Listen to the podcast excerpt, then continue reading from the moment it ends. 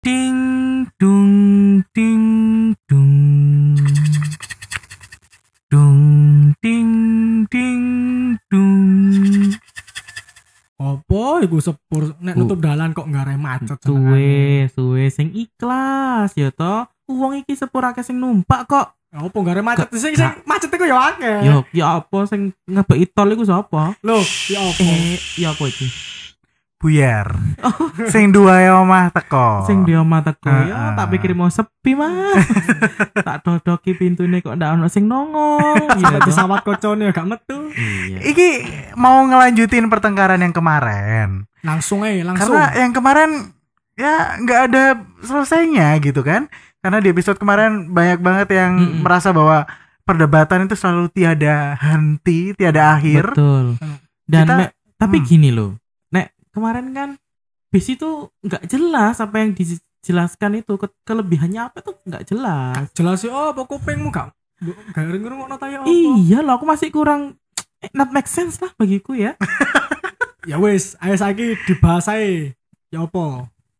Iya. Dibahas lebih detail Heeh. mengenai bus. Ya, besok rek. BC. Heeh. Bus apa super Ya bis ae lah. Bisa aja. Ya, soalnya wingi akeh sing komen jaluk bus. Iya. Minta bus dulu ya wes, kita turuti. bus dulu. kemenangan iki ayo.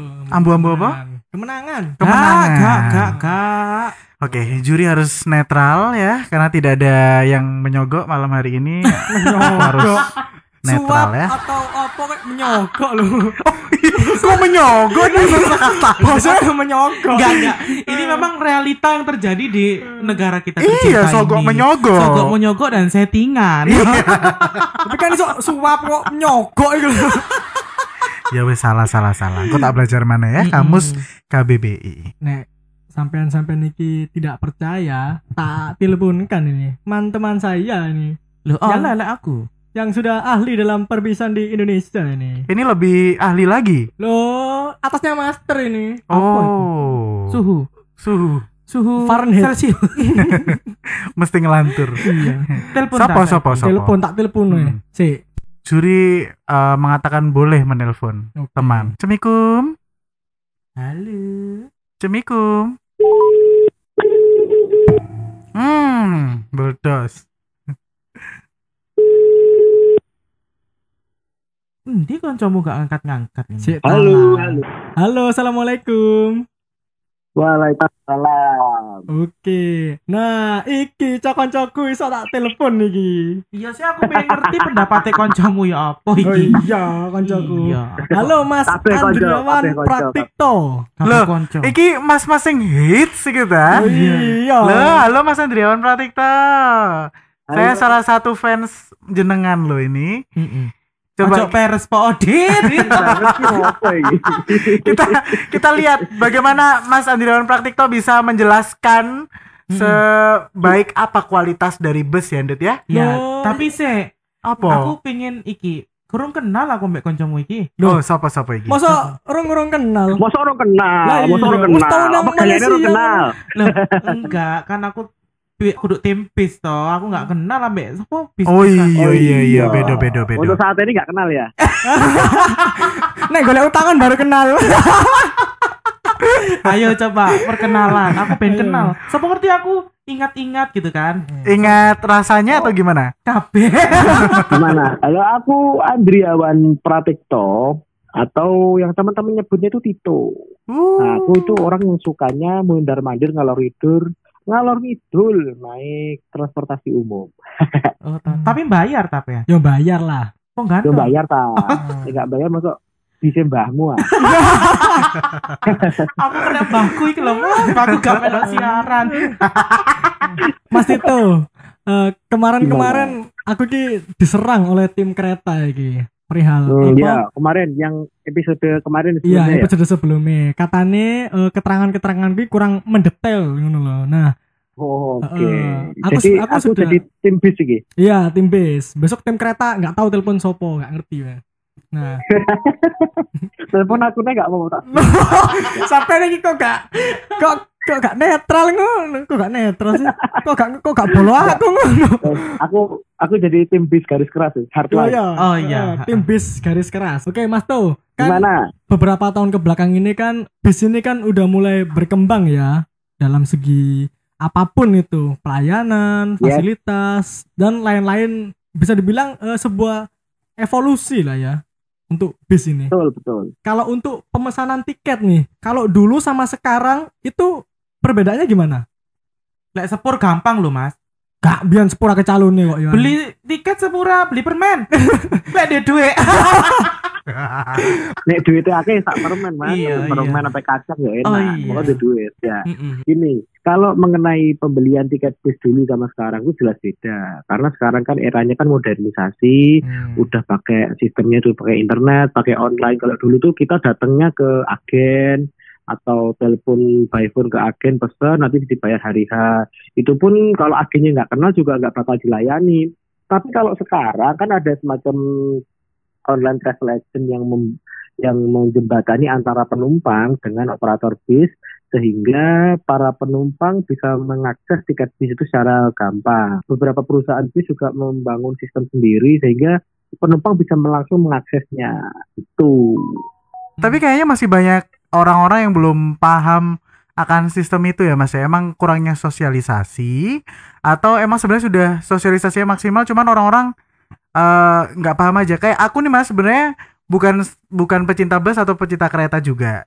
Cuman aku Iya. belum pernah tahu tuh pemesanan tiket yang bus yang udah sekeren itu gitu. Ah, gini mungkin balik dari kita tarik ke belakang mungkin semacam paradigma atau mindset di masyarakat kalau naik bis itu pertama bikin mual, yang kedua itu banyak calonnya atau bisnya jelek atau gimana. Jadi orang itu jadi seakan-akan nggak mau gitu loh lihat perkembangan dari bis gitu masyarakat itu. Dengan adanya kemajuan seperti ini juga perlu effort yang lebih tinggi buat para pengusaha bis untuk mempromosikan bisnya atau online travel agent juga mempromosikan layanannya ke masyarakat gitu. Oh, justru malah ini jadi peluang ya seharusnya ya untuk Nah, para dong. transportasi bis ini untuk Hmm. bersaing untuk lebih maju. Yut. Termasuk di harusnya eh, gitu, harusnya ah. begitu. dalam sektor pemesanan tiket ya. Hmm. Hmm. Iya. Tapi kan Mas ya, kalau zaman sekarang tuh aku naik bis itu enggan gitu loh, kayak ATB terus dalamnya itu ada kursinya kursi apa bau kayak gitu-gitu. Reot, loh. reot, kursi Iya, reot. kursinya reot, bau. kayak gitu kok orang-orang kuat tuh ah gimana ya? Kok aku nggak seneng Oh, ya naik gini bis? gini gini. Sebetulnya eh, dari bis itu juga memiliki satu nilai beberapa nilai positif ya walaupun kalau Mas katakan aku juga nggak bantah kalau ada masih ada bis yang reot, Mm-mm. kalau ada bis yang apa tempat duduknya kotor, bau, ATB atau lain sebagainya. Cuman yang bikin orang apa orang tetap naik itu yang pertama pasti tiketnya paling le- lebih murah. Murah. Itu yang ya? pertama. Yang kedua eh mengenai itu fleksibel pada jam keberangkatan. Kalau kereta kan kalau aku aku bicarain bukan yang kereta di kalau di selain itu kan keretanya itu terpancang dengan jam gitu loh. Kalau bis Hmm. 15 menit, setengah jam itu ada. Jadi orang itu nggak perlu keburu-buru dari rumah persiapan menuju ke titik penjemputan bisnya itu sendiri. Jadi mungkin itu yang membuat eh, bis itu walaupun terkesannya agak jelek tapi nggak bakal ditinggal sama penumpangnya gitu. Berarti untuk saat ini bis sudah ada perbaikan fasilitas dan peremajaan armada. Peremajaan. Kalau peremajaan armada itu pasti di setiap perusahaan otobus yang ingin berkembang dan bertahan lama itu pasti direncanakan. Mungkin biasanya itu ada beberapa perusahaan otobus yang mempunyai target. Aku kalau udah lima tahun bisa ganti, dijual. Itu Hmm. banyak. Oh, Oke. Ada yang tujuh tahun, ada yang bahkan ada yang masih cuma setahun pun udah peremajaan itu ada. Jadi Hmm. itu guna mempertahankan ke konsumen bahwa dia memiliki brand bis saya yang paling baru. Tuh. Hmm, Oke oke oke. Berarti menang sepur ya apa ya apa Mas? Isok sampai pakai 30 tahun. Hmm, ya apa, ya apa? Menurut bus, ya apa menurut? Ayo, sampai reot-reot tahun 65 si Iya, eksekutif 65 loh, Pak. masih ada ya padahal ya. Hmm, tahun 65 sus eksekutif bis pakai eksekutif lah laki-laki ya barusan Hmm, barusan ya. Yo, iku nek enggak dikasihane ambek regulator yo. Pasti yo, apa eh? Nek enggak dikasihane ambek regulator berapa yang sudah terucap di Cikaum iku eh? Tapi eh, bis itu kan apa ya masa dikit bentar-bentar ganti kan kasihan PU-nya tutup toh. Naik kereta kan iso awet loh, Mas. Bisa sampai 50 Oh, tahun, 30 itu kalau tahun. masalah itu kan udah manajemennya mas Hmm. kalau manajemennya pinter bisa itu Hmm, Oke, berarti kayak menang tim kereta ya. Do ya ndak. Eh, saya mutus menang atau enggak Oh, itu iya, juri iya, nih. iya. Oh, jokar PDW. Senengane kok. Mas itu, aku ada satu pertanyaan yang sendiri. menarik nih. Jadi bukan Gimana, cuma aku gimana? doang. Uh, beberapa teman itu Iya. sempat ngomong kalau di bus itu kan uh, sering ngelihat ada bus yang udah ada bus singkat. Mm-mm, Terus juga banyak yang seliweran gitu bus yang udah bagus-bagus. Itu memang ada pembagian kelasnya atau kayak gimana Mas? Dulu kan setauku bus ya cuman yo bus mek wujudnya bus ya kayak gitu aja gitu. Tapi sekarang ada yang double decker lah, ada yang emang kursinya bisa kursi pijet yang gede gitu ya. mm-mm, Itu gimana Mas? Bisa dijelasin Iya. nggak pembagian kelasnya? jadi gini awalnya dulu kan bis itu kan di yang AC AC eh bukan cuman bis bumel bumel itu artinya kalau melebu kumel Oh no, ya enggak singkatan. Iya. Ah, iya. Bumel. ada Baru lagi peningkatan. Bumel. Bumil bukan. ada lagi peningkatan eh, peningkatan fasilitas biar nggak ditinggal penumpangnya untuk mengikuti perkembangan zaman dihadirkan kelas patas Oke. lalu dihadirkan kelas AC itu dulu sekarang semakin berkembangnya zaman jadi perusahaan otobus itu kan akhirnya berinovasi untuk dapat penumpang ada yang dia menghadirkan kelas layanan mulai dari kursinya di jumlah Mm-mm. ini lalu em, ada bahkan sampai sekarang itu sampai ada tidur sleeper gitu. Jadi kalau menurutku ya itu bagus sih. Soalnya kan eh, kalau gini kalau di kereta itu kan mereka kayaknya udah punya satu apa pelanggan garis keras ya jadi aku kalau nggak Ya, kereta orang betul. budal Oh iya Iya, iya. betul, iya. betul. Betul Mas, betul. tapi kalau di mungkin sekarang masih mulai men- me- menjajaki pasar itu. Jadi mereka berlomba-lomba membuat tarif semurah mungkin dan fasilitas sebaik mungkin agar penumpang itu bisa memilih ke moda transportasi bis gitu. Selain itu juga merubah paradigma masyarakat tentang bis yang jelek, calonnya ugal-ugalan, eh, calonnya ngeri, penu- drivernya ugal-ugalan gitu. Untuk kelas-kelas bis itu nggak kalah lah ya dengan kereta api ya. Sweet class. Sweet Iya class ya. dong. Tau Kalau numpak bis tapi kelas tahu ya ya. Tim bis kok lah. kurang tahu numpak. Iki Mas Tito iki tau numpak sweet class ku. Loh, aku ambu pabrik ditumpaki kok. Ya? Oh, si ambu pabrik si plastikan. Wis BLB Iya. ya, bus Aku- luar Aku biasa. sih buka yang kelas ya mas. Oh. Oleh aku sing duwe langsung tak balik no pabrik kan. Ambune tok berarti. Dipasikin ya. Nah, salah satu Ya. kelebihan fasilitas menurutku iki siji, ada makan. Iya. Dok mana? Dok mana urusan weteng mana? Iya dong. Makanya tuh fresh loh makanya. Gimana? anget-angetan gitu loh. Gimana? Makanya tuh fresh. Oh benar. Oh, iya, benar. Nggak beku. Ah, benar benar. iki disogok Oh iya jelas. Juri ini lemu, jadi mikirnya aku mau nggak nget-ngetan. Eh, tidak nget-ngetan. Iya. Iya, kan seperti apa tak atas saya yang sebelumnya. Apa? Yang penting ada dulu. Hashtag tidak nget-ngetan. Wes, Iya, jadi Nget-ngetan. kalau Iya, iya. menurutku sih ya, aku sedikit membantah nih terkait masalah makanan nget-ngetan. Lo gitu mesti kan, melakukan pembelaan sebelum Ayo. waktunya ini sepur. Iya, aku Ya, nyolong-nyolong. Soalnya lo roti gila. Jadi gini loh, lek di kereta itu ya sebenarnya dapat makan. Terus? Pertama ya toh, kalau itu setelahnya dimasukkan. Contohnya di Hmm. kelas kereta luxury, priority gitu kan. Oh. Itu pasti akan dapat makan. Kedua, nek sepuluh telat. Malkis, Malkis. Squid ya. Roma kelapa. Malkis. dengan le minerale. Sing cilik sih, San. Iya. Jadi sebenarnya dapet. Terakhir kemarin aku ngeliat ada sari gandum loh, oh, bukan beda ya. sari gandum kan, bukan bukan Mm-mm. Malkis. Kan podo-podo Romai. eh, Loh, Malkis. Nek nang bis itu ada sari gandum tapi ya tuku loh. Lo iki lah telat tuh sari gandum ya Yo, Allah. mending sego timbang sari gandum. Nah, bisa dijelaskan lagi nggak Mas? Lebih detail gitu. Dapat fasilitas-fasilitas yang didapatkan di bis tapi yang lebih detail. Ada sih di beberapa PO bis itu yang memiliki layanan eh, pengantaran dalam kota ketika sampai ke tujuan. Hmm. Jadi bis itu turun di satu poolnya atau di garasinya, lalu di garasi itu didata. Hmm. Ini orang ini mau ke mana ke mana diantar sampai ke rumah naik mobil shuttle-nya gitu. ke Itu rumah. mungkin itu mungkin yang nggak ada sih di bis, yang di kereta maksudnya. Dek lo kecolongan yang nggak ada di bis Enggak, ya. se, se, se, se, se. Iki diantar sampai ke rumah ya. Travel, kayak travel gitu ya Mas ya jadinya. Iya kayak travel. Jadi Wow, dia punya wow, kayak wow. mobil high ace atau Avanza gitu yang bisa yang apa disediain ketika bis udah udah mau nyampe itu udah udah standby dia jadi tinggal Tapi apa nambah biaya nggak Mas? gitu. Apa? Nambah biaya nggak? Ah, kalau kalau setahuku itu kalau dalam kota itu nggak ada biaya, tapi kalau lebih dari di luar kota gitu nanti ya tinggal nego sama drivernya aja sih. Oh, jadi yang pasti cuman tersedia fasilitas shuttle-nya itu ya, tapi untuk apakah itu bayar atau enggak ya urusan belakang gitu. Maksudnya kalau emang Iya. jauh kan ya harus ada yang penting kompensasinya ada gitu ya. sih. Oh, yang penting ada dulu itu loh. Rumusmu kan kayak gitu, Dut. Loh, tapi jangan salah loh. Saya bukan membela tim kereta api ya. Tapi Duh. ini Heeh, tapi ini memang beneran ada. heeh. Kereta api itu juga ada shuttle-nya. Tapi nggak laku. Oh iya ya, pernah ada shuttle-nya ya. Sinis loh. Tim super lo sinis. Enggak. Aku tuh heran loh padahal sekarang tuh kalian nggak tahu ada yang bisa diantar sampai rumah. Tapi barang itu uang. Parcel Express. Iya. aku kok nggak kok kayak nggak fair ya kalau dari tadi kita membahas hal-hal yang terbaik dari bis gitu ya. Aku tuh pengen tanya dari eh bis itu faktor yang apa ya yang masih perlu diperhatikan itu eh menurutku adalah keselamatan.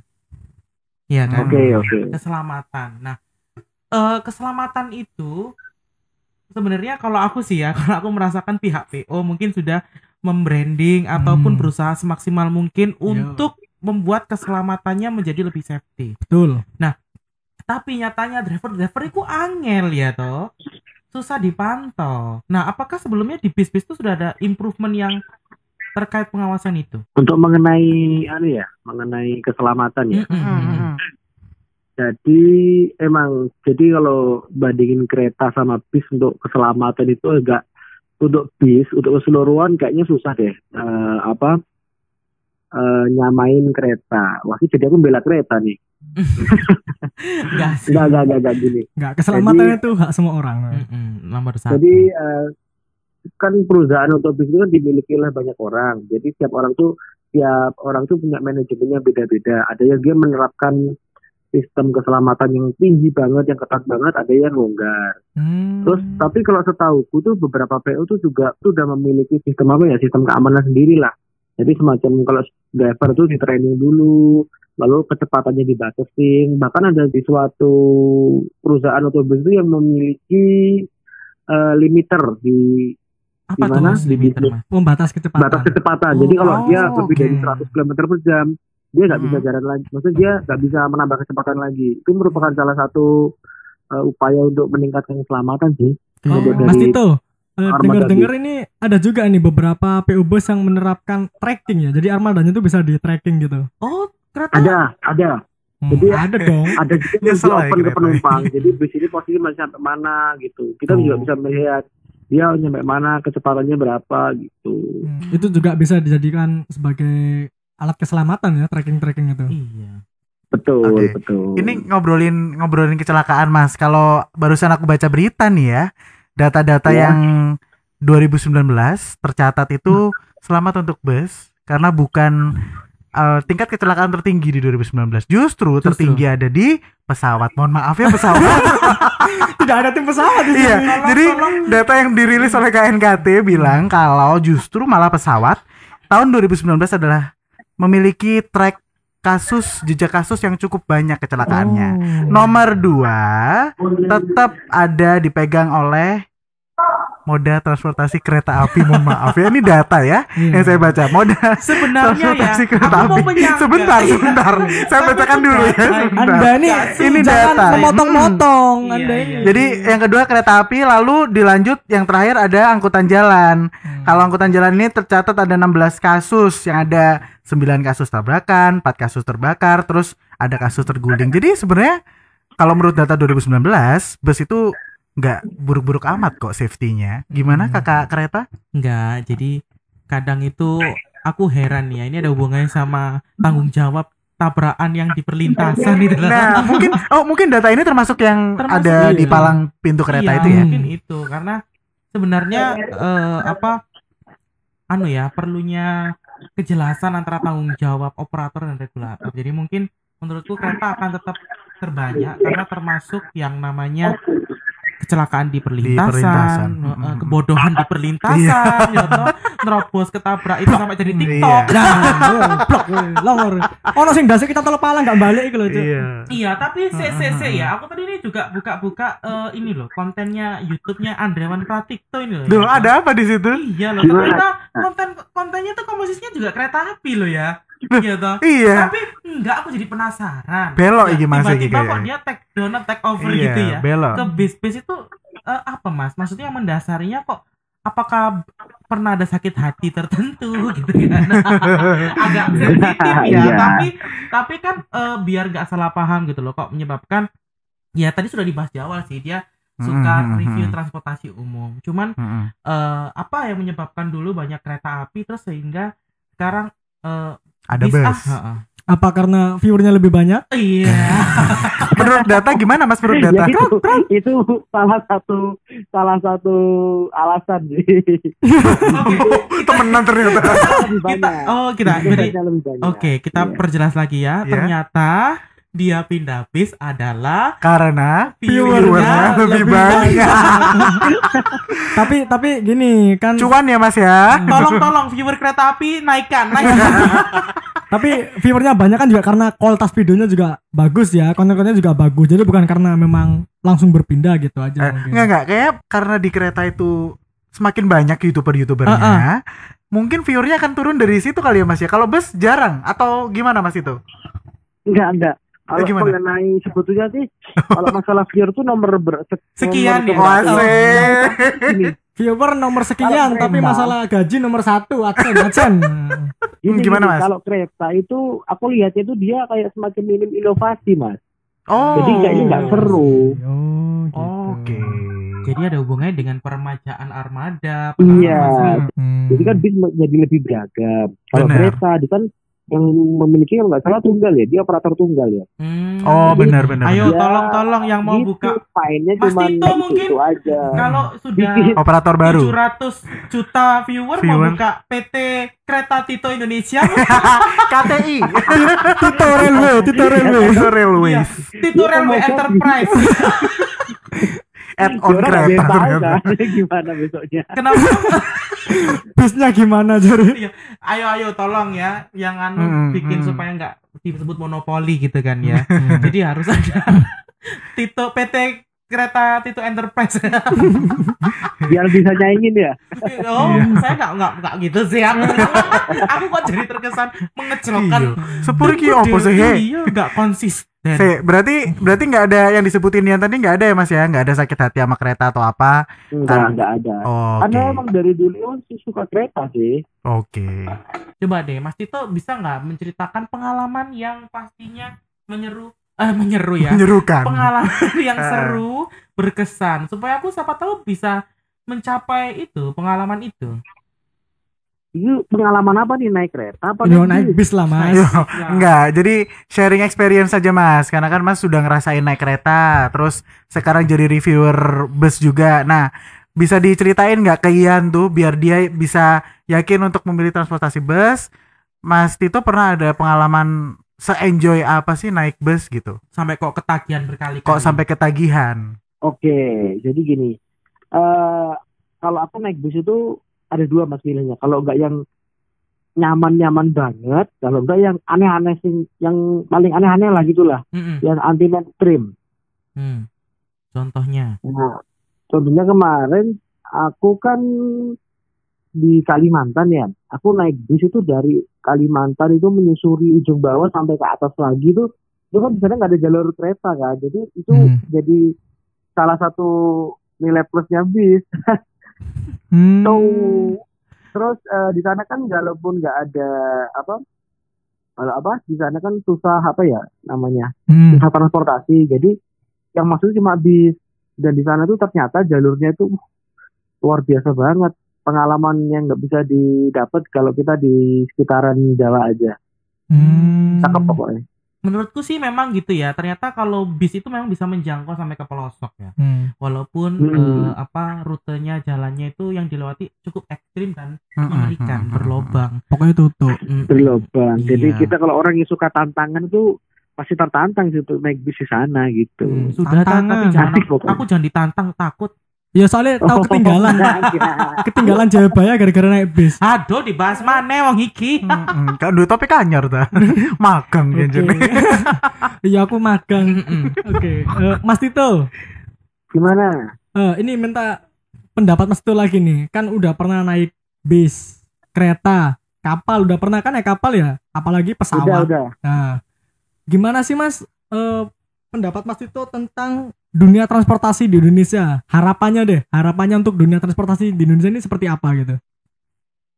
Harapannya sih yang pertama ya eh, zero accident sih, nggak ada kecelakaan sama sekali gitu. Itu yang pertama sih. Hmm, keselamatan ya yang, yang utama ya. Keselamatan yang utama tuh. Cuma kan walaupun semewah apa pun, sekeren apa pun, cepat apa pun, tapi kalau nggak nggak selamat, kan itu bukan anu kan, apa bukan tujuan dari kita naik transportasi kan? Hmm.